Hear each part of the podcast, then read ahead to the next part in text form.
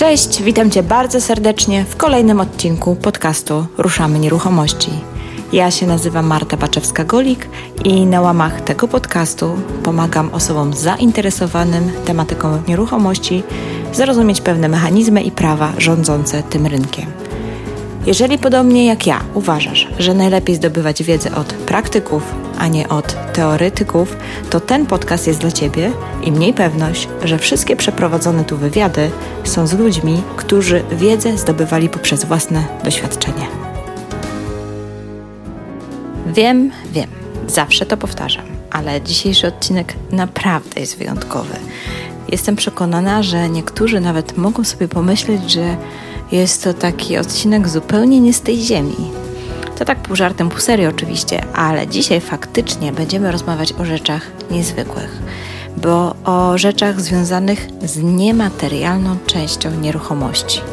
Brzmi to być może trochę dziwnie, bo przecież nie ma drugiej tak namacalnej rzeczy jak nieruchomości, ale jednak zarówno nasze domy, jak i my sami funkcjonujemy w jakimś konkretnym otoczeniu i zewsząd, ale to zewsząd, otacza nas niewidzialna, ale jednak naukowo potwierdzona energia. I teraz jak to się ma do nieruchomości? Okazuje się, że zasady funkcjonowania energii w kontekście nieruchomości były badane przez Chińczyków przez tysiące lat i dziś są spisane w kilkaset bardzo konkretnych formuł, które możesz wykorzystać do tego, by w Twoim domu Ci się po prostu lepiej żyło. Panował w nim dostatek i obfitość, a Twoje życie i biznesowe cele realizowały się łatwo i z nawiązką. O czym mówię? O formułach Feng Shui. Jeżeli przeszło Ci właśnie przez myśl, że to jakieś bzdury, to zanim wyłączysz ten odcinek, chciałabym, abyś wiedział lub wiedziała, że jedno z najbogatszych i najlepiej rozwijających się miast państw świata, jakim jest Singapur, zostało właśnie zaprojektowane i zbudowane pod okiem największych mistrzów Feng Shui. Tam nie ma przypadkowo stojących budynków. Swoją drogą, jestem ciekawa, kiedy nasi deweloperzy zaczną zatrudniać mistrzów Feng Shui do realizacji swoich projektów deweloperskich i projektować je tak, aby inwestycje po pierwsze szybko się sprzedawały, a ludziom, którzy nabędą tam nieruchomości, po prostu lepiej się żyło czy pracowało, jeżeli mówimy o projektach komercyjnych. Jeżeli chodzi o zaintrygowałam Cię tematem, to posłuchaj mojej rozmowy z unikalnym specjalistą w dziedzinie Feng Shui, Martą Kaniewską która wydaje mi się, że jest w Polsce jedną naprawdę z nielicznych osób, która szkoliła się u mistrzów w Chinach, Malezji i Singapurze. Dzisiaj doradza i pomaga rozwijać biznesy wielu przedsiębiorcom w branży nieruchomości z dużymi sukcesami. Jest autorką dwóch książek: Feng Shui dla biznesu oraz Pokój dziecka dobry sen, skuteczna nauka. W wywiadzie odpowiada na pytania, co to w ogóle jest to Feng Shui, dlaczego to działa na czym polega. Obala też mity na temat takiego potocznie rozumianego feng shui. I jeżeli ci się wydaje, że feng shui to kolory i przedmioty, to muszę cię bardzo rozczarować. To zdecydowanie bardziej zaawansowana nauka i wiedza na temat wpływu Twojego otoczenia na Twoje życie. Marta, bardzo, bardzo się cieszę, że w końcu nam się udało spotkać. Ja również. Bo nie wiem, czy wiecie, ale e, z Martą umawiamy się już od kiedy? Dokładnie rok. O, Marta. Nie, to może nawet nie wiem, czy jest, mhm. czy jest dobrze się do tego przyznawać, ale faktycznie umawiamy się już z rok na, na nagranie tego podcastu, zrobienia jakiegoś filmu z tego materiału, tylko że Marta zajmuje się bardzo taką unikalną sztuką, jaką jest Feng Shui w przestrzeni, czyli jak sprzedać, jak kupić, jak urządzić, co gdzie postawić, żeby była dobra energia i tak dalej. I zresztą sama zaraz o tym opowie. Dlatego Marta, jakbyś tak mogła na wstępie tak krótko się przedstawić i powiedzieć naszym słuchaczom i osobom, które będą nas oglądać, co to w ogóle jest to Feng Shui, jak to się stało, że Ty się tym zaczęłaś zajmować. Odkryj taką swoją historię pokrótce, bo pewnie jest długa i wiem, że wiele lat się tym zajmujesz, więc, więc nie mamy na to dzisiaj czasu, ale jak to się stało, że zetknęłaś się właśnie z Feng Shui? Jak to się stało, że się tym tematem zajęłam? Mhm. Mieszkałam w Brukseli, w Komisji Europejskiej pracowałam i uczyłam się języka chińskiego. I chodziłam na zajęcia do Chińczyka, gdzie była taka dosyć duża szkoła, natomiast ta kamienica była bardzo no, obskurna, tak wizualnie mało estetyczna i źle się czułam, jak tam wchodziłam. I zadałam kiedyś mojemu nauczycielowi pytanie, dlaczego prowadzi zajęcia i w ogóle mieszkał, ponieważ to był jego no, dom w takiej obskurnej y, kamienicy. On powiedział, że tutaj ma bardzo dobry układ przestrzeni, układ ci i będzie go to miejsce, w którym mieszka, wspierało finansowo do 2044 roku. W związku z tym koniecznie musi tutaj mieszkać.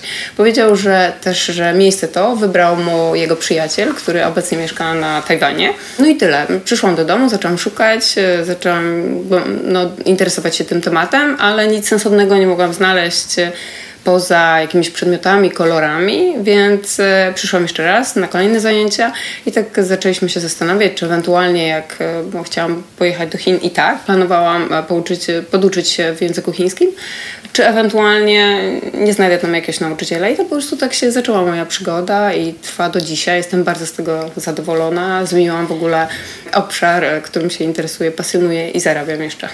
Od jak dawna się tym zajmujesz? Od 2011 roku. 2011, czyli już kilka lat mamy za sobą.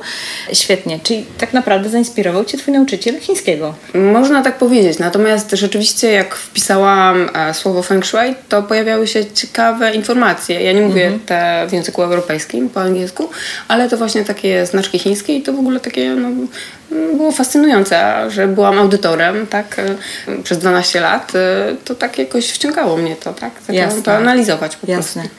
Czyli studiowałaś e, całą tą sztukę, nabywałaś w Chinach? W Chinach, w Singapurze i w Malezji, w Szwajcarii. Super. Super.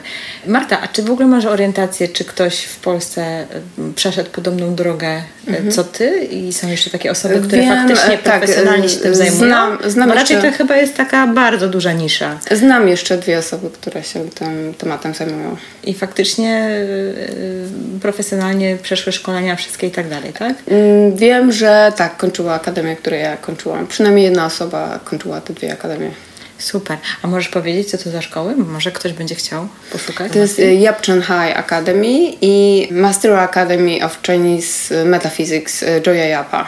Y, okay. Szczególnie tego Joya Yapa polecam, ponieważ jest to osoba, która no, jest najbardziej znana na całym świecie z tego, co robi. A czy trzeba znać chiński, żeby tam się e, uczyć? Nie, absolutnie. Wystarczy znać język angielski, żeby się uczyć. Jak ktoś zna chiński, będzie mu łatwiej na pewno. Tak, będzie mu łatwiej, bo już, e, bo już tutaj e, idąc Marta wyciągnęła takie niesamowite narzędzie, na których było pełno Nie mamy zna znaczków teraz. chińskiego, e, ale pokażemy później gdzieś tam na zdjęciach. Znaczki chińskie były, to było chińskie. Mm, tak, znaczki chińskie. Dokładnie, więc, więc ja zupełnie nie miałam pojęcia, co tam jest. Na tym to był kompas taki, ale dookoła było pełno różnych znaków. Ale ona naprawdę wiedziała, co robi i o co chodzi z tym kompasem. Dobra, to zacznijmy od początku. Wiemy już, jak to się stało, że, ty, że zajęłaś się tą mm. nauką, tak naprawdę, można to tak nazwać. A jakbyś mogła teraz powiedzieć naszym e, słuchaczom, czym tak naprawdę jest feng shui? O co chodzi? No bo niby tam wiemy, że jakaś energia, że, że jakiś mhm. tam e, e, chi, że coś tam, ale to tak naprawdę mam wrażenie, że to jest bardzo takie enigmatyczne e, w naszym rozumieniu, no bo nie mamy z tym do czynienia, to nie jest nasza kultura. Mówmy się, Europejczycy nie posługują się tym e, tak na co dzień, jak to robią właśnie w Azji. Singapur to w ogóle jest chyba miasto, które zostało zbudowane według zasad właśnie feng shui, więc jakbyś mogła tak przybliżyć, o co w tym chodzi i tak po prostu, wiesz, ludzki polskim językiem prostym wytłumaczyła, na jakiej zasadzie to działa i dlaczego to działa.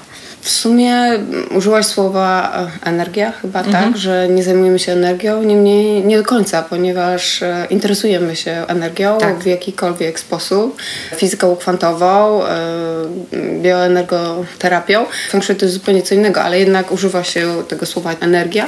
Feng Shui się używa słowa ci. Cała wiedza jest w oparciu o to, a ci to jest nienamacalne uniwersalna forma energii, która występuje wszędzie w otoczeniu i góry tą ci e, tworzą, a rzeki e, tą ci przenoszą. I to jest tak, że Feng Shui zajmuje się oceną potencjału danego e, obszaru, powierzchni w kontekście realizacji celów danej osoby.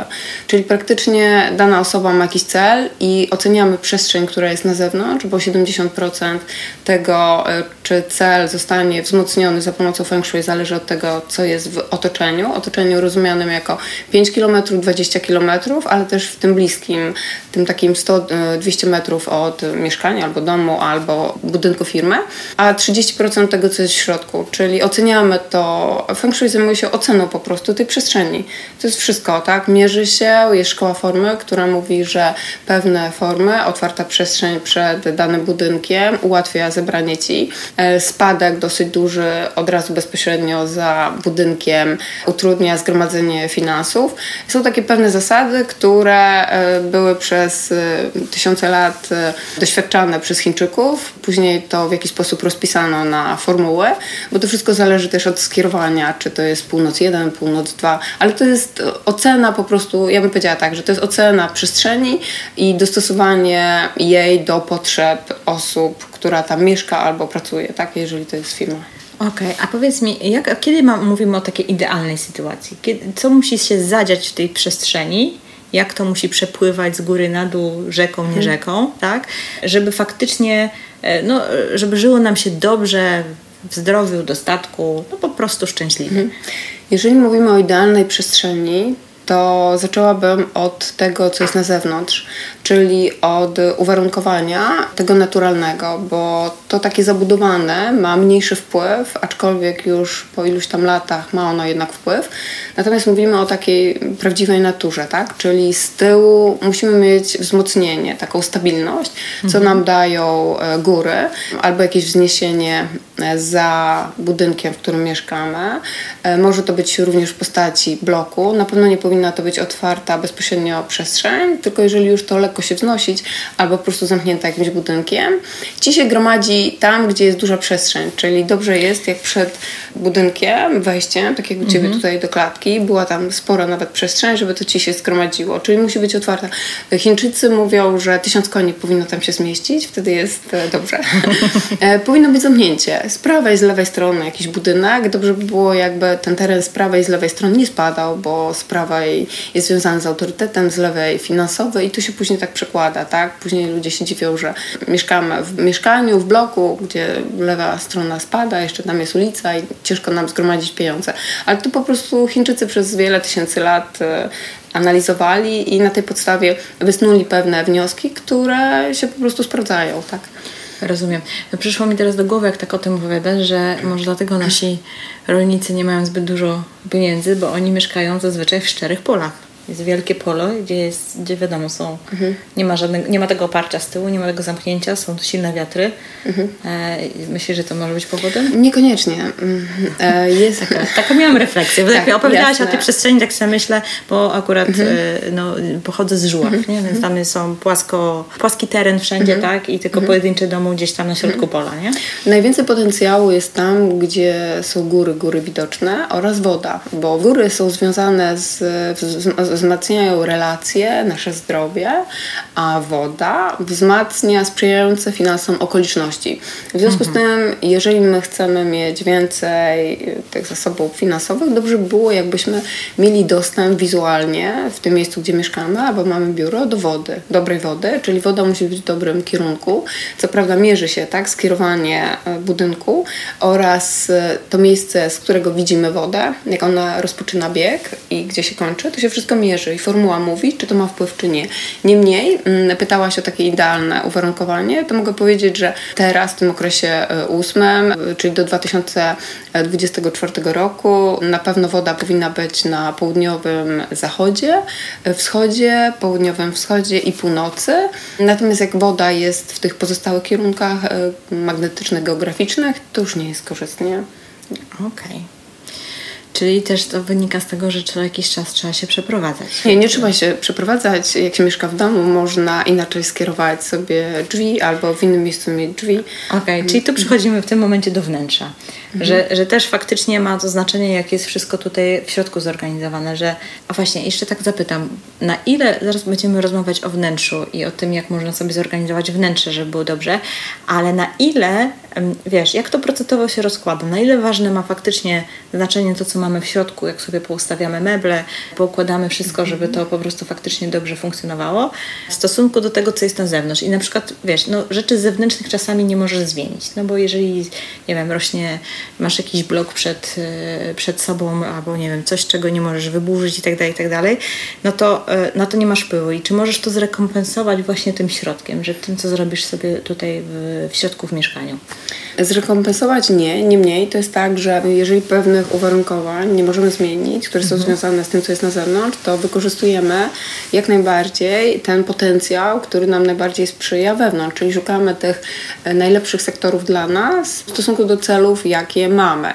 Niestety to, co jest na zewnątrz, aż wpływa w 70% na, na to, co my mamy tak naprawdę w życiu, jeżeli mówimy o feng shui, tak? Bo ja byłam tak uczona i nie tylko w jednej szkole, w drugiej, ale tak słyszałam też od innych e, mistrzów osób uczących, że jedna trzecia to jest ten potencjał, który mamy z daty i godziny urodzenia, każdy jest inny, tak? Ma inny charakter, inne predyspozycje. Tak by się zgadzało. Jedna trzecia to jest otoczenie, jakie na nas wpływa. Jeżeli po prostu mamy dużo przestrzeni na zewnątrz, tak? To to jest bardziej korzystne niż jak jest po prostu taka gęsta zabudowa, bo tam gdzieś mogą być rogi, tak zwane zatrute strzały, mhm. które na nas negatywnie wpływają. A jeszcze jak śpimy w tym pomieszczeniu, no to jeszcze jakby to wszystko jest taka siła podwójna, czy tam tak. potrójna. Mhm. A jedna trzecia to są działania samego człowieka, tak? Także to jest tak, że w tym momencie, jeżeli potencjał jest na zewnątrz, ta jedna trzecia jest zaburzona, to jednak e, musimy e, jakby zintensyfikować nasze, nasze działania. E, plus jeszcze dobrze by było, żeby wykorzystać jak najlepiej przestrzeń, która jest w domu dla nas jak najbardziej korzystna. Czyli jednym słowem, faktycznie w momencie, gdy zamierzasz kupić dla siebie, nie wiem, biuro, dom do mieszkania i tak dalej, to warto przeanalizować tą przestrzeń wcześniej Zależy jak się ma, e, jakiś ma cele, bo jeżeli e, ktoś ma cel finansowy, to rzeczywiście szuka takich układów, e, żeby te finanse się pojawiły, tak? One, pieniądze same się nie pojawiają, ale pojawiają się sprzyjające okoliczności i jeżeli je wykorzystamy, to mm, będziemy mieli więcej środków finansowych. To w ten sposób działa. Mhm. Jeżeli zależy nam na relacjach, tak, to szukamy wsparcia z tyłu. Także to są takie pewne przesłanki, tak, jasne. Szuka się no ja, klienci często, ja po prostu jeżdżę tak i jakby akceptuję te nieruchomości, które chcę sobie mm, kupić, a później coś, coś na nich wybudować. Aha. Czyli, czyli normalnie pracujesz z klientami, masz swoich klientów, którym pomagasz tak jakby wybrać odpowiednie lokalizacje. Między innymi tak, z paru lokalizacji, tylko ja im daję pewne zasady, tak po prostu taką checklistę już, no, tą listę kontrolną, tak, żeby po prostu mhm. czego unikać, żeby nie musiała wszystkiego oglądać i później na te wybrane w zasadzie dwie, dwie nieruchomości maksymalnie jedziemy. A przyszło mi jeszcze tak do głowy jedno pytanie, e, związane też jeszcze z tym zewnętrznym, zanim wejdziemy do tych środków mieszkań mhm. i domów i biur, bo e, tak jak wspomniałam na początku, e, Singapur został zbudowany według zasad Feng Shui i wiem, że niektóre biurowce były specjalnie w jakiś tam sposób ustawiane i tak dalej, i tak dalej. I tak jakby przy już aranżacji architektury miasta były brane pod uwagę pewnego rodzaju y, rzeczy wynikające właśnie z, z, wiedzy o Feng Shui. I teraz moje pytanie jest takie może y, do przodu. Czy polscy deweloperzy w ogóle się interesują tym tematem i czy w ogóle kiedykolwiek miałaś takie zapytanie od właśnie dewelopera, który buduje na przykład osiedle, który chciałby w jakiś sposób je dobrze zaaranżować na danej powierzchni, żeby, żeby ludziom się tak po prostu dobrze żyło. Od dewelopera może nie, jeszcze tam nie dotarłam. E, zajętość moja jest w tym temacie biznesowym, tak po prostu no, nie, jeszcze nie wyszłam na ten rynek. Niemniej jechałam kiedyś e, w pociągu w Malezji z Malajem, którego syn mieszka w Austrii i tak wymieniliśmy się, czym się zajmujemy, rozmawiamy. No i właśnie on mówi, że jego syn wykorzystuje właśnie eksperta Feng Shui, tylko on ma swojego, też chyba z Tajwanu, z tego co pamiętam, i e, robił inwestycje w Warszawie. E, natomiast jakie inwestycje to już mi nie powiedział, natomiast wiem, że na pewno bank. E, więc ba budują banki, więc to nie jest tak, że się tym nie interesujemy. Wiem, że jest wiele miejsc w Polsce i to takich firm, które no, są znane po prostu, e, które wykorzystały zasady feng shui w, w budownictwie.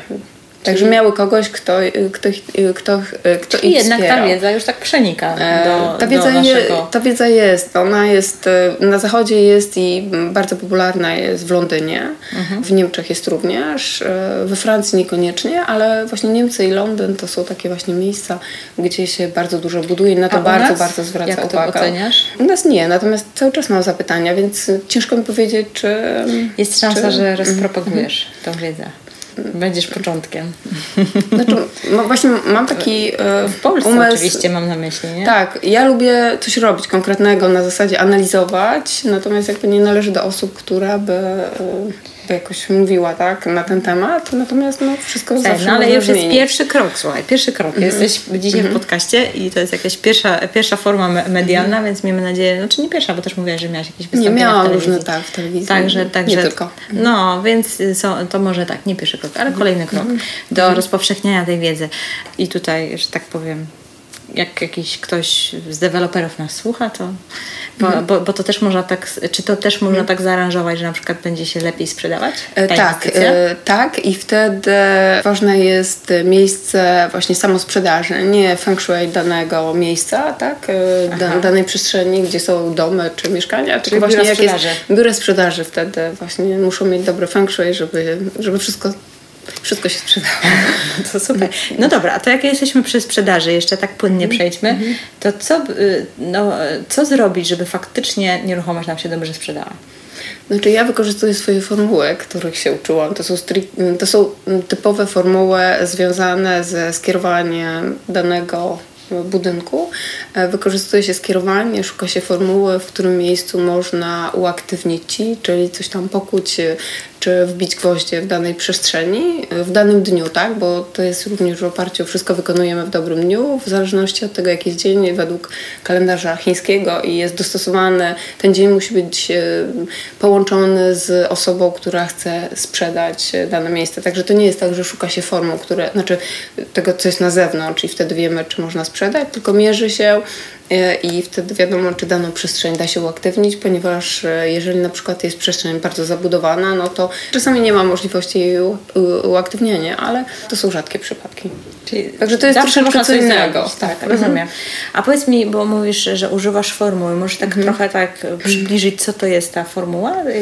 O co chodzi? Tak, w Feng Shui jest około 681 formuł. No, tak przynajmniej tych takich Sporo. zliczonych. Tak, tak. E, na przykład formułę mówią, że dom skierowany, przykładowo, tak, e, dom skierowany w N3, czyli tam północ 3, od tyle i tyle stopni to jest północ 3, e, jeżeli będzie miał e, widoczną wodę, która będzie na przykład widoczna i będzie się rozpoczynała, dajmy na to wezwu, coś tam, to wtedy jest potencjał większy finansowy dla osób, które są na przykład live QA 7, tak? Okay. Także to są po prostu takie ja jakby rozumiem, powiązane. Live 7 mhm. to ty wiesz co to znaczy. znaczy. Aha, y, w zależności od tego, od naszej daty y, okay. i godziny urodzenia mam, mamy taki po prostu jakby numer, to jest no, no numer, tak? Ale to nie jest y, numerologia, tylko ten jakby nasz numer pokazuje nasze predyspozycje, ale od razu na podstawie tego wiemy, jakie są na podstawie naszej daty i godziny urodzenia, jakie są nasze sektory, tak? Sektor pomocy ludzi, sektor inteligencji, choroby, zdrowia. Tak, do tego okay. jest używany Rozumiem. ten, ten. Okej, okay, mhm. rozumiem. No i to też jest pewna formuła, tak? Że jeżeli na przykład ktoś jest LiveCo 7, czyli tam urodził się na to w 74 roku, jest kobietą, bo to, to można wyliczyć, tak? To nie jest jakieś tam, nie wiadomo mhm. skąd pochodzi, tylko po prostu to można wyliczyć. I na przykład dla takiej osoby kierunek, ten taki najbardziej energetyzujący, taki zwiększający możliwości, to jest NW2, tak? To, I na przykład to jest formuła. No. Okej. Ty, tych formuł jest, tak no, Czyli są troszkę. wyzory, można by powiedzieć. Tak, to są wzory, to są tylko i wyłącznie wzory, to nie jest tak, że ja sobie przyjdę. Rzeczywiście wejdę i mogę powiedzieć, super, jest duży, duży hall, tak, tutaj może się zebrać ci, jest zablokowane centrum, będzie trudniej, ale jakby jeżeli już chcę coś konkretnie zrobić, to ja muszę zmierzyć, żeby po prostu wskazać dobre miejsce dla danej osoby. Okej. No dobra, czyli, czyli używasz tych formuł i to faktycznie pomaga e, przy sprzedaży nieruchomości? Jak się to wszystko dobrze Ja wykorzystuję tylko jedną formułę, którą mi kiedyś pokazał Chińczyk w Chinach e, i tego jeszcze sobie dodałam z innych szkół. Em, Natomiast jakby tą formułę, którą stosuję uważam, że jest wystarczająca. Efekty są. No tak. Rekomendacje też. Jechałam e, z Martą przez chwilę i było kilka telefonów, także naprawdę jest rozchwytywana. Czyli efekty są. Dobra, to przejdźmy teraz do środka. I jak możesz, to opowiadaj nam, jak właśnie można sobie tą przestrzeń życiową zorganizować w środku mieszkania.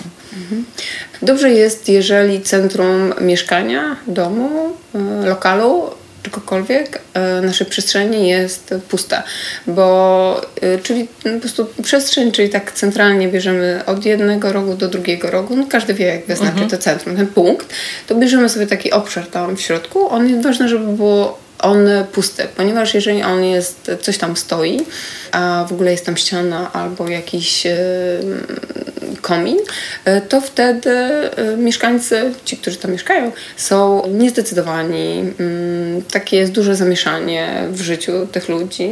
Także dobrze jest po prostu zadbać zawsze o to, żeby centrum było wolne. Na pewno nie powinno być w centrum kuchenki, bo to się przekłada na problemy zdrowotne, ani również toalety, toalety, ale w sensie takim tam wody, tak? Bo to jest każde zaburzenie ci i taka właśnie brak takiej stabilności. E, Ważne jest, że jak wchodzimy, to żeby wchodzić na dużą przestrzeń, tak? Jeżeli tam jest dobry układ ci, to jest dobrze, żeby ona była duża, bo to się bierze z pomiaru, w zależności od tego, jakie tam są wędrujące gwiazdy i jaki tam sektor bacza i czy to jest czyjś sektor, no to ważne jest po prostu, żeby zobaczyć, co tam jest i jeżeli to jest korzystne, to żeby po prostu no, ten hall był w miarę korzystny. Dobrze jest, jeżeli z centrum mamy możliwość wejścia do wszystkich sektorów, nie mówię do pomieszczeń, ale po prostu do wszystkich sektorów, tak? Czyli po prostu od wejścia, jak dochodzimy do centrum, to mamy wolną przestrzeń, tak? Korytarze powinny być w miarę szerokie i nie powinno być takich długich, gdzie ta ci biegnie tak buch, od razu, tak? Tylko po prostu one powinny być takie szersze, żeby one tak spokojnie się tam e, rozprzestrzeniała. Dobrze jest, jeżeli centrum w ogóle poszczególnych pomieszczeń jest wolne, ale to takie puste, ale to nie zawsze możemy e, uzyskać. Ja mówię to, co można zrobić bez pomiaru, tak? Co każdy sobie może Jasne, tak, tak, tak. trzeba Co- to, mierzyć. co można zastosować. Mhm, zastosować. E, Niestety, mówię niestety, bo w wielu domach tak jest i to jest bardzo ergonomiczne. Nie powinno być tych wysp e, z kuchnią, tak, dlatego że wtedy kuchnia jest bardzo istotnym elementem, który wpływa negatywnie, pozytywnie na zdrowie. I jeżeli jest wyspa w kuchni, to wtedy ci rozprzestrzenia się w wiele stron i to naprawdę ma wpływ negatywny na zdrowie. proszę. Także mówię tak Czyli te ogólnie, takie- bo tam w zależności od tego, jaki tam jest układ, to ma e, konkretne przełożenie. W zależności od tego, jaki to jest sektor, to ma konkretne przełożenie na jedną albo, albo wiele osób. Ale mówisz tak? o takiej wyspie typowej, Wyspy, to jest tak, typowa zlew, wyspa. jakaś kuchenka w środku, tak? O kuchence w środku. Okej. Zlew jeszcze w środku może być. Natomiast jeżeli mówimy o kuchence, absolutnie ona powinna być przypięta, znaczy pod, pod ścianą, żeby ta Okej. cień nie rozprzestrzeniała się e, we wszystkie strony. Na to zwracam uwagę. No, woda, czyli zlew nie powinien być naprzeciwko kuchenki. To są takie proste rzeczy, bo ogień nie powinien być naprzeciwko wody, myślę, żywioł że ognia, nie jest okej pod tym względem. No pod tym względem, tak.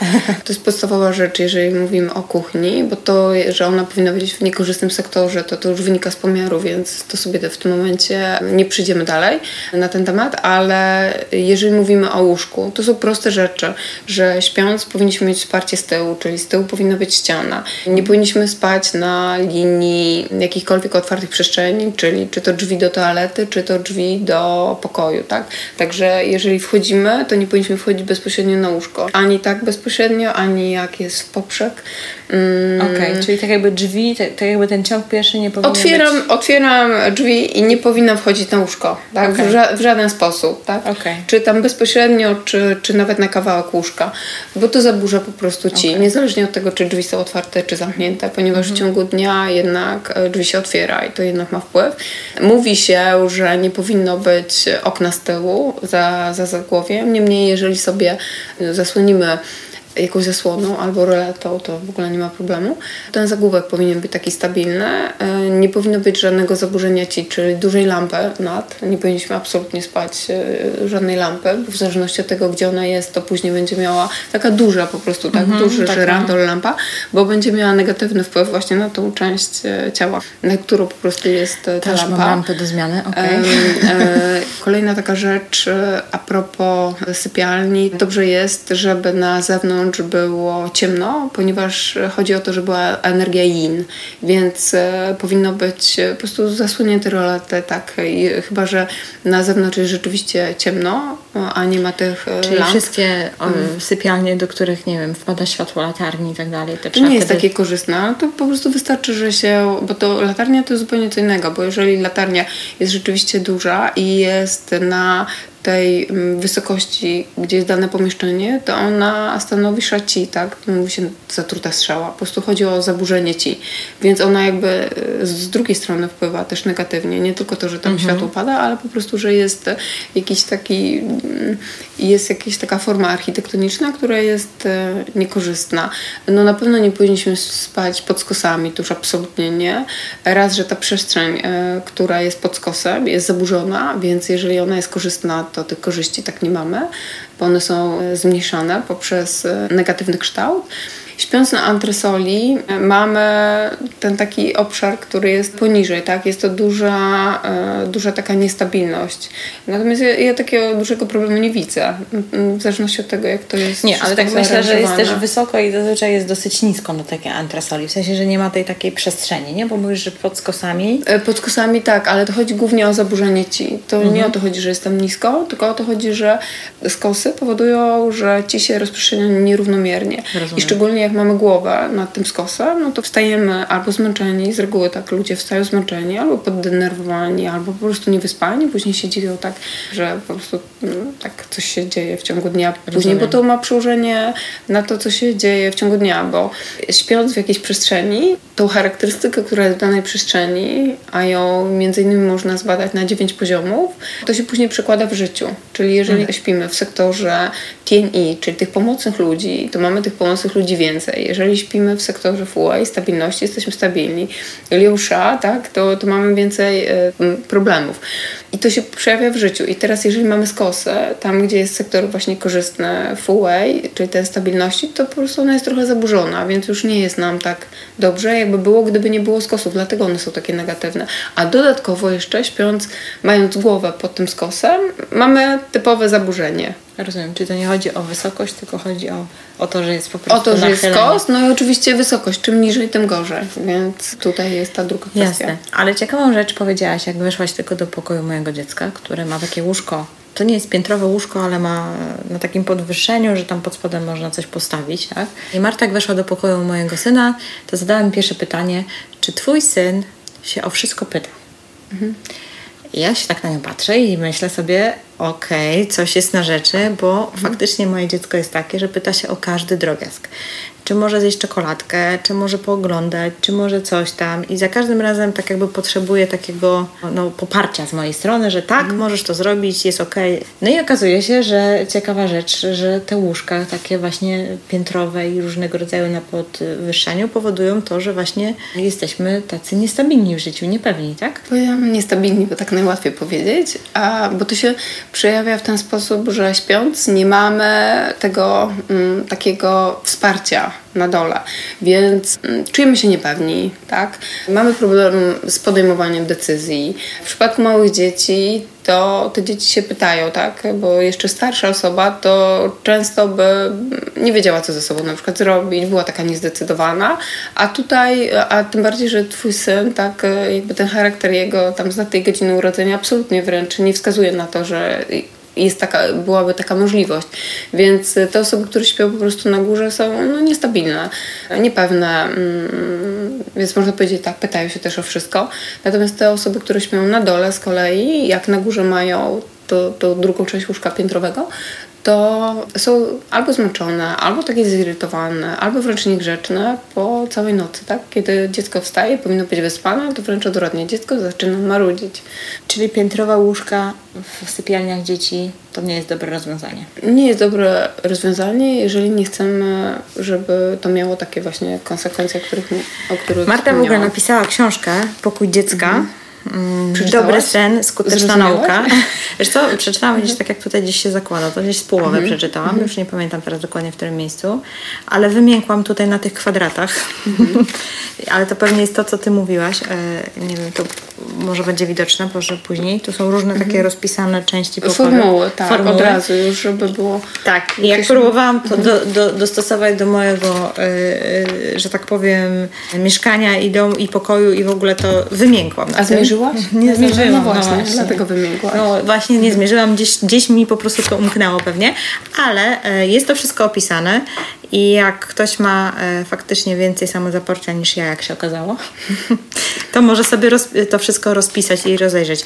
Ale jakbyś mogła powiedzieć właśnie, o co z tym wszystkim chodzi? Bo to mnie też interesuje, bo właśnie na tym mhm. poległam, że tak powiem, podczas Mówisz moich badań. Tak. tak? Mhm. Tutaj w tych kwadratach są nałożone takie dwa aspekty. Jeden to jest w zależności od, po pierwsze, w zależności od skierowania domu, budynku, y, jest zastosowane baczaj, czyli te 8 domów czyli te mhm. wskazanie sektorów korzystnych i niekorzystnych, plus y, rozkład wędrującej gwiazdy w zależności od skierowania oraz od zasiedlenia, od okresu zasiedlenia domu. Więc jeżeli ktoś na przykład wprowadził się do bloku po 2004 roku, po, po 4 lutym 2004, to będzie miał ten okres ósmy, który tutaj jest.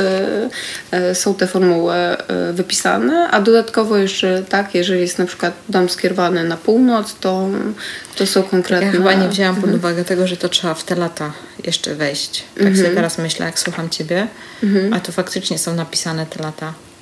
E, słuchajcie, książka jest bardzo ciekawa, jest dużo podstawowych mhm. rzeczy, trzeba, ale faktycznie chyba trzeba ją ze dwa, trzy razy tak sobie na spokojnie przerobić, żeby, żeby e, wszystko zrozumieć. Natomiast a jak chcecie e, poznać więcej szczegółów na temat tego, jak ustawić pokój dziecięcy, ale pewnie to się też przekłada na inne pomieszczenia, bo przypuszczam, że... że to jest akurat, że to jest zasady... akurat ta książka jest typowo napisana z tego względu, że jak chodziłam do klientów, to mm, wszyscy rodzice zwracali uwagę na te swoje cele, natomiast e, pokoje dzieci były no, bardzo mi się nie podobało, co tam było w środku. W związku z powyższym zadawałam pytania a propos zachowania dzieci, no i stwierdziłam, że dobrze było jakby poprawić jakość e, życia tym dzieciom. Nie tylko w sposób taki właśnie, że rodzice sobie poprawią, ale po prostu dzieciom, tak? Tam są również, w tej książce są formuły, które stosują sektor inteligencji, więc jak dziecko chce się lepiej uczyć, tak? Mhm. To, że wiadomo, że to jest to miejsce, żeby się lepiej uczyło. Sektor bycia lubianym, bo czasami dzieci nie są lubiane, albo jak ktoś chce być śmielszym, tak, to po prostu gdzie powinien być, e, jaki to jest jego sektor, żeby, żeby po prostu to zastosować. To, I to, są właśnie te formuły, e, o które... których pytałaś, co to są za formuły, tak? Mhm. Czyli rodzisz się w tym roku, twój sektor inteligencji jest taki, siedzisz w, e, w tym miejscu lub masz łóżko, uczysz się, łatwiej ci jest tą wiedzę pozyskać to w ten sposób działa. To, to nie jest żadna magia, tylko po prostu nabywasz pewnych wartości, tak, które tam są w danym, pomieszczeniu, w, dan, w danym miejscu, w domu. Okej, okay, czyli to wszystko jeszcze przerobimy w takim razie w, w pokoju dziecięcym mojego syna a, mhm. i mam nadzieję, że uda się znaleźć odpowiednie miejsce na łóżko i ja już wiem, że łóżko muszę wymienić mojemu dziecku, bo zdecydowanie za często mnie się pyta o wszystko. No i jeszcze biurko. I jeszcze nie biurko. stać tak jak standardowo stoi tak. u, u, w ogóle w wielu domach. Mój syn od, od września idzie do, do, do szkoły, więc to jest dobry mhm. czas na, że tak powiem, małą rearanżację pokojową. Dobra, a co jeszcze ważne jest właśnie w, w pomieszczeniach dziecięcych, jak już jesteśmy tak podsumowując ten pokój, jakbyś miała tak, wiesz, tak jak mm -hmm. na samym początku ogólnie mm -hmm. powiedziałaś o, mm -hmm. O tych zasadach, to może byśmy też jeszcze tak pokrótce No wiadomo, przestrzeń do oddechu, znaczy oddechu, żeby czym większa przestrzeń, Czyli tym tam też więcej ten centralny punkt więcej, powinien być pusty, tak, tak? powinien być pusty. Ważne jest, żeby nie zagracać, żeby był minimalizm, e, żeby był minimalizm, a to z tego względu, że nie to, że to zajmuje dużo miejsca i jest mniej miejsca do, do dyspozycji, tylko dlatego, że mamy, pamiętajmy, że tak jak na całym domu możemy sobie nałożyć e, te wszystkie formuły, tak na przestrzeni, na pokoju dziecka również możemy sobie te wszystkie formuły nałożyć. Więc jakby z tego dużego mieszkania robimy w pokoju takie małe mieszkanko i tam też są tak sektory jego. W związku z tym dobrze jest, żeby te sektory, które są z nim związane, miały otwartą przestrzeń, żeby tam po prostu nic nie było. W związku z tym można powiedzieć, że powinien, powinien być minimalizm, żeby nie zagracać w tych miejscach, które ewentualnie miałyby jakiś mieć konkretny potencjał. I to jest taka, taka ważna rzecz. Także powiedziałabym, powyrzucać wszystko, co naprawdę jest zbędne. zbędne. Druga rzecz taka, że biurko powinno stać w dobrym miejscu. E, Szkoła formy mówi, dziecko absolutnie za plecami, absolutnie zawsze powinno mieć ścianę, czyli wsparcie. E, I absolutnie, ale to naprawdę absolutnie powinno mieć otwartą przestrzeń, czyli nie tak jak dziecko siedzi y, przodem do ściany, tak jest w większości tych wszystkich projektów y, architektonicznych, tylko powinno siedzieć plecami do ściany, a mieć przed Czyli sobą otwartą być przestrzeń. odsunięte od ściany O, i tak, siadamy... a, a dziecko Mhm. siedzi z ty- tyłem do, do ściany, ma przed sobą otwartą przestrzeń, a wtedy dłużej się uczy. Lepiej mu jest przybywać. Wtedy się chętnie uczy i nie, i nie ucieka. Czyli jeden wniosek jest taki, Mhm. jeżeli twoje dziecko ma jakieś problemy z koncentracją przy biurku, to jest szansa, że po prostu to biurko jest źle ustawione. E, Jest duże prawdopodobieństwo, że tak może być. A biorąc pod uwagę, że z reguły właśnie się stawia biurko pod ścianą i jest tą twarzą Mhm. do ściany, no to faktycznie w wielu domach tak to funkcjonuje. I ja sobie teraz przypominam, że myśmy jako dzieci też tak miały. No tak, mm, to, to, takie standardowe e, ustawienie. Mhm. Bo myśmy miały w ogóle taki, pamiętam z siostrą, miałyśmy jeden pokój, to miałyśmy taki blat przyczepiony mm, do ściany i on był taki długi i my po prostu przy Mhm. tym blacie tak jakby siedzieliśmy, to było nasze biurko. A jeżeli jest okno, że na przykład siedzi przodem do okna, to to już zmienia postać rzeczy, czy Mhm. E, nie? Nie, to nie zmienia. To praktycznie jest tak samo, jakby była ściana, ale ze względu na to, że dajmy na to, że mamy nie mamy firanek, bo to też jak mamy firanki, to to już dokładnie tak samo funkcjonuje, jakby to była ściana. Jeżeli nie mamy firanek, więc widzimy, co jest za oknem, wydaje nam się, że to jest otwarta przestrzeń, jest lepiej, aczkolwiek to jest tak samo, bo jest ściana, bo, znaczy, bo jest okno, czyli jest coś, co camuje ci, bo to trzeba zrozumieć, że chodzi o tą otwartą przestrzeń, nie chodzi o to, jak się czuje wizualnie, tylko jest zaburzenie ci. Bach, po prostu siedzimy i tu mamy ścianę, okno, Czyli szybę. ona się po prostu szybę też obija. Kończy, kończy po prostu. No, Okej. mamy zaburzoną kreatywność. Super. A to w przypadku dzieci jest chyba istotne. No dzieci ja myślę, że w ogóle w naszym przypadku również, bo to pewnie te zasady również się tyczą naszego biura. Oczywiście, tylko dorośli, dorośli jeszcze, to jest takie fajne, że fajne, bo nawet nie to ciekawe, fajne, że dorośli jak są już w pomieszczeniu, to już jak są ustawieni w ten sposób, to już siedzą tak. Ewentualnie to na nich źle działa. Natomiast dzieci uciekają. Po prostu to jest takie, że dzieci uciekają. Nie będą, Ale masz rację, bo nie, moje nie dziecko nie siedziały chce za przy bardzo takim- przy, tym, Mhm. przy tym biurku siedzieć i ono tak jest, ale jest bardziej rekwizytem niż tym, że on tam Tak, faktycznie dzie- siada i coś dzieci robi. jeszcze, jeszcze takie, takie małe, taki sześciolatek jest w stanie wyczuć, że coś mu nie pasuje, tak? A jak, posta- jak usiądzie dorosły, no to już to Tak, on nie potrafi tego zakomunikować, Mhm, bo on mi nie powie, dlaczego na przykład nie chce przy tym biurku siedzieć, Mhm. tak? Tylko po prostu będzie, nie wiem, przychodzi tutaj gdzieś e, Mhm. do salonu na przykład z rzeczami robić i tak dalej, i tak dalej, ale nie siedzi przy swoim Wydaje biurku. mi się, bo to jest moja taka obserwacja, że dzieci jeszcze takie małe nie mają zaburzonej tej intuicji, takiej wyczucia tej przestrzeni. Mhm. Później to już tak się zmienia, ale tak jeszcze 6-7 lat to jeszcze dziecko jest w stanie coś tam wyczuć. Gdzieś tam jeszcze e, impulsy odbiera. Mhm. Dobra, Marta, Boże, myśmy poruszyły tutaj taką masę e, tematów e, i mam wrażenie, że osoby, które będą nas słuchać lub oglądać, to zupełnie, zupełnie pewnie im się jeszcze więcej pytań narodzi.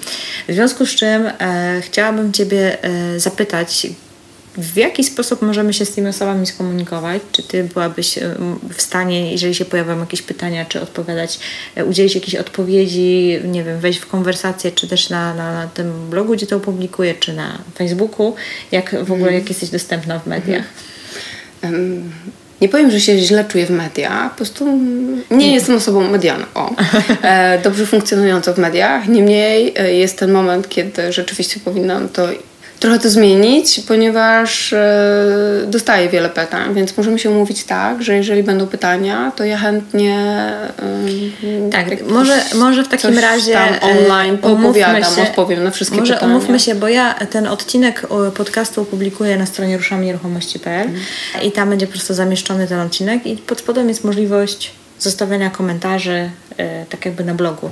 Jak się coś pojawi, to ja do Ciebie będę wysyłać, mhm. bo pewnie jak zadacie jakieś bardzo zaawansowane pytania, to ja nie będę umiała odpowiedzieć mhm. na nie, ale czy możemy liczyć wtedy na to, że, że, że gdzieś tam mhm. znajdziesz chwilę, żeby po prostu odpisać? Tak, mi się wydaje, że nawet to można zrobić właśnie w takiej formie, nie wiem, czy ja siebie nagram, tak, czy w jakiś sposób, no nie wiem, tam gdzie Nie, mieszkam. nawet odpisać, no, wiesz? Albo, albo mhm. odpisać jak najbardziej, tak, bo ja, to jest temat bo ciekawy. To, bo to myślę, że, ten, że, że tak naprawdę tym odcinkiem to otworzymy pewnego rodzaju przestrzeń mhm. do w ogóle dyskusji na temat e, feng shui, bo, bo jest to temat, który, wiesz, to jest tak, są pewne takie dziedziny, które wpisujesz w Google i niby masz dużo informacji, ale tak naprawdę jak chcesz samemu tego poskładać i nie masz mm. tego przewodnika, takiego kogoś, kto faktycznie cię troszeczkę pokieruje, no to wiesz, no to będziesz stawiać, nie wiem, jakąś żabkę plastikową albo coś, bo mm. też mhm. są takie rzeczy, tak? Mm. Jeżeli chodzi o feng shui. I jest to taki temat bardzo rozwodniony, mam wrażenie, w, w Google'ach i a jak nie znasz się na tym, to nie wiesz, czy to, to jest prawda, czy to nie jest prawda. Mhm. Czy to jest dobry kierunek, czy nie dobry kierunek. Czy ktoś coś już przesadził w danym artykule, mhm. czy nie przesadził, nie? Tak. I to jest po prostu strasznie trudne do weryfikacji, do oceny. To tak jak z tymi, mhm. mam wrażenie, że to samo jest z dietą, nie? Że mhm. już teraz tyle się mówi na temat zdrowego mhm. odżywiania i tyle na temat zdrowych diet, że jak zaczynasz szukać i szperać, mhm. to tych informacji jest tyle, że już w pewnym momencie się myślisz, no dobra, robiłeś to, myślałeś, że to jest dobre, ale zaraz gdzieś przeczytasz, że to jest jednak niedobre, a coś innego jest dobre, za chwilę coś innego, coś innego i tak naprawdę już sam nie wiesz, która dieta jest dobra. Tak, ale ja muszę przyznać, y, bo moje artykuły są w wielu y, magazynach i w jednym magazynie takim typowo biznesowym, nie będę podawała nazwy, mm, pani przeprowadziła ze mną wywiad i brakowało jej, to co mi powiedziała, brakowało jej takich elementów, jakichś kolorów i coś i po prostu dopisała sobie, tak? E, natomiast w wyniku mojej autoryzacji, no ja to wszystko wyrzuciłam, niemniej ona powiedziała, że to nie będzie takie, jak ona powiedziała, kolorowe, takie Sexy. prawdziwe, bo to takie, powiedziała, że tutaj brakuje, tak? Że tu powinien być kolor, że tam jakiś obraz, że co dany obraz znaczy, tak? A jakby to no, to A to w ogóle tak a propos tych kolorów, mm -hmm, to ma mm -hmm. znaczenie? To znaczy dla twojego samopoczucia tak, ale to nie jest związane z feng shui. Nie, to jest w ogóle, to tylko kolory jasne no mają wpływ na ciebie, tak jak się czujesz, tak, białe to wpływa w Dobra, to zanim jeszcze mhm. zakończymy, to może mhm. obalmy parę mitów wokół feng shui, bo jest ich kilka. Marta wydała dwie książki, jedna to jest Pokój dziecka na dobry sen, druga to jest feng shui dla biznesu i e, w tej książce faktycznie tutaj e, tak, ale, rozprawiasz się z mitami. Ale to jest ciekawe, bo do tych mitów, e, poza dwoma, które mi przyszły do głowy tak same, posłużyłam się encyklopedią feng shui, jakąś europejską i paroma publikacjami oraz paroma książkami w języku polskim wydanymi i tam nawet w języku angielskim. I wzięłam to, co było uważane za feng shui jako mity, bo po prostu to tak jest. I to jest na tyle fajne, że po prostu nie miałam problemu z tym, bo otworzyłam sobie i to do, do zastosowania właśnie typu remedia, tak, kolory i liczby i tam akwaria i tak dalej i w, w sumie nawet mi wyszło 15 mitów, co prawda chyba więcej, ale ale mm, pani redaktor mi okroiła, więc 15 y, zostało. 15 mitów. Dobra, to takie najważniejsze i najczęstsze. To kolory? Mhm.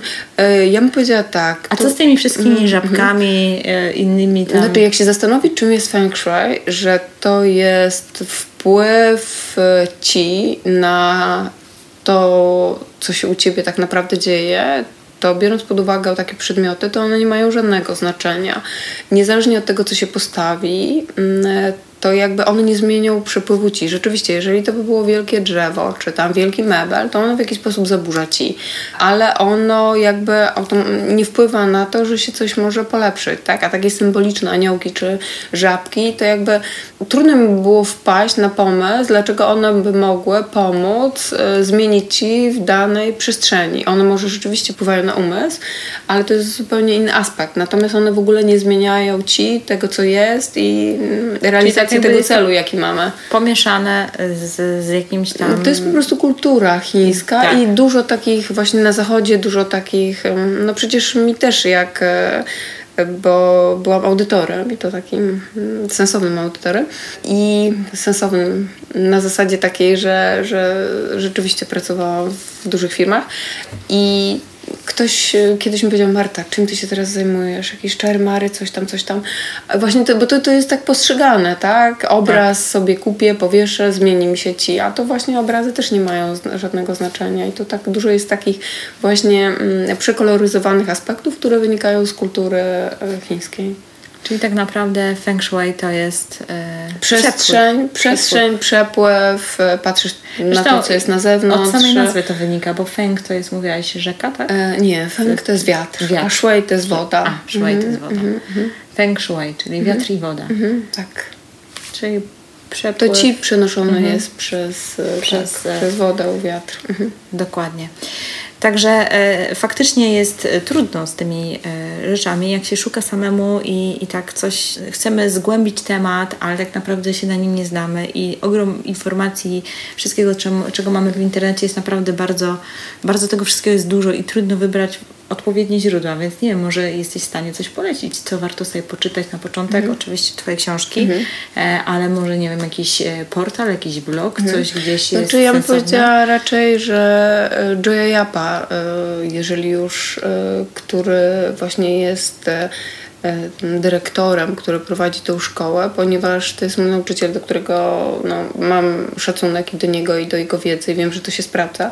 E, także no, na pewno... On wydał jakieś ja, publikacje, czy raczej gdzieś w internecie? On, on, wydaje książki. On wydaje książki e, w internecie. A jesteś w stanie mi jakieś linki podesłać? E, tak, tak. To ja wszystkie mhm. te linki mhm. zamieszczę w notatkach do mhm. odcinka, więc żeby można było sobie faktycznie rozszerzyć taką fajną, mhm. rzetelną wiedzę. Jeżeli kogoś ten temat e, zainteresuje, mhm to myślę, że jak najbardziej.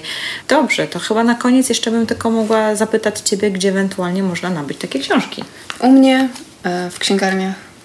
Tak? E. A podasz jakiś e, link, czy... To też mogę podać. Dobra. Wiem, że to jest jedna księgarnia, która prowadzi, to jest na Tuli tą książkę, tą, tą, tą, tą tutaj, a tutaj wiem, że to jest w wielu księgarniach, ale to coś sensownego znajdę. Dobra, to wszystkie linki łącznie z... z tak, wszystkie zamieścimy, żeby po prostu mhm. był łatwiejszy dostęp do źródłowej wiedzy. Mhm. Marta, wielkie dzięki za to spotkanie. Dziękuję. Ja tak sobie myślę, że jeżeli będzie duże zainteresowanie mhm. tematem, mm, bo Marta tak naprawdę się też specjalizuje bardzo mocno w właśnie w pomocy przy sprzedaży nieruchomości i dużo, dużo tego typu tematów robisz, ale no w ogóle, jeżeli chodzi o ustawianie przestrzeni budynków i, nieruchomości mhm. itd., tak itd. Tak poprawy. Tak, poprawy, więc e, ma no faktycznie ogromną wiedzę i myślę, że jest jedną z największych w Polsce, która faktycznie mhm. No, zajmuje się takim prawdziwym feng shui. Więc jeżeli będziecie zainteresowani i dacie nam znać, że jest to temat interesujący i byście chcieli coś pogłębić, zgłębić, to być może za jakiś czas nagramy jakiś kolejny na ten odcinek i na to tak sekretnie liczę, bo mnie osobiście bardzo takie rzeczy interesują. Jest to naprawdę bardzo ciekawa wiedza. Także Marta, wielkie dzięki. Dziękuję. I w ogóle, że się w końcu udało. Zdaję sobie sprawę, że wywiad nie wyczerpał tematu. Jednak myślę, że jak na pierwsze rozpoznanie, to padło dość sporo informacji.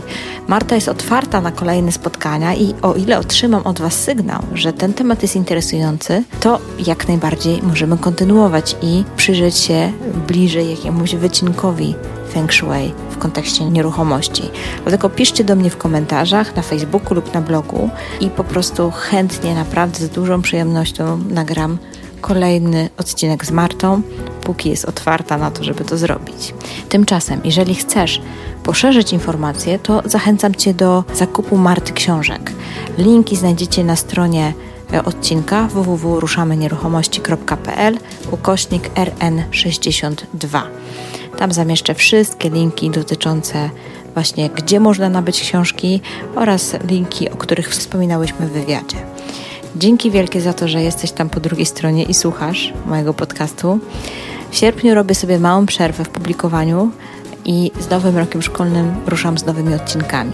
Dlatego trzymaj się ciepło, życzę Ci udanych wakacji, urlopów i podróży z podcastami oczywiście. Do usłyszenia niebawem.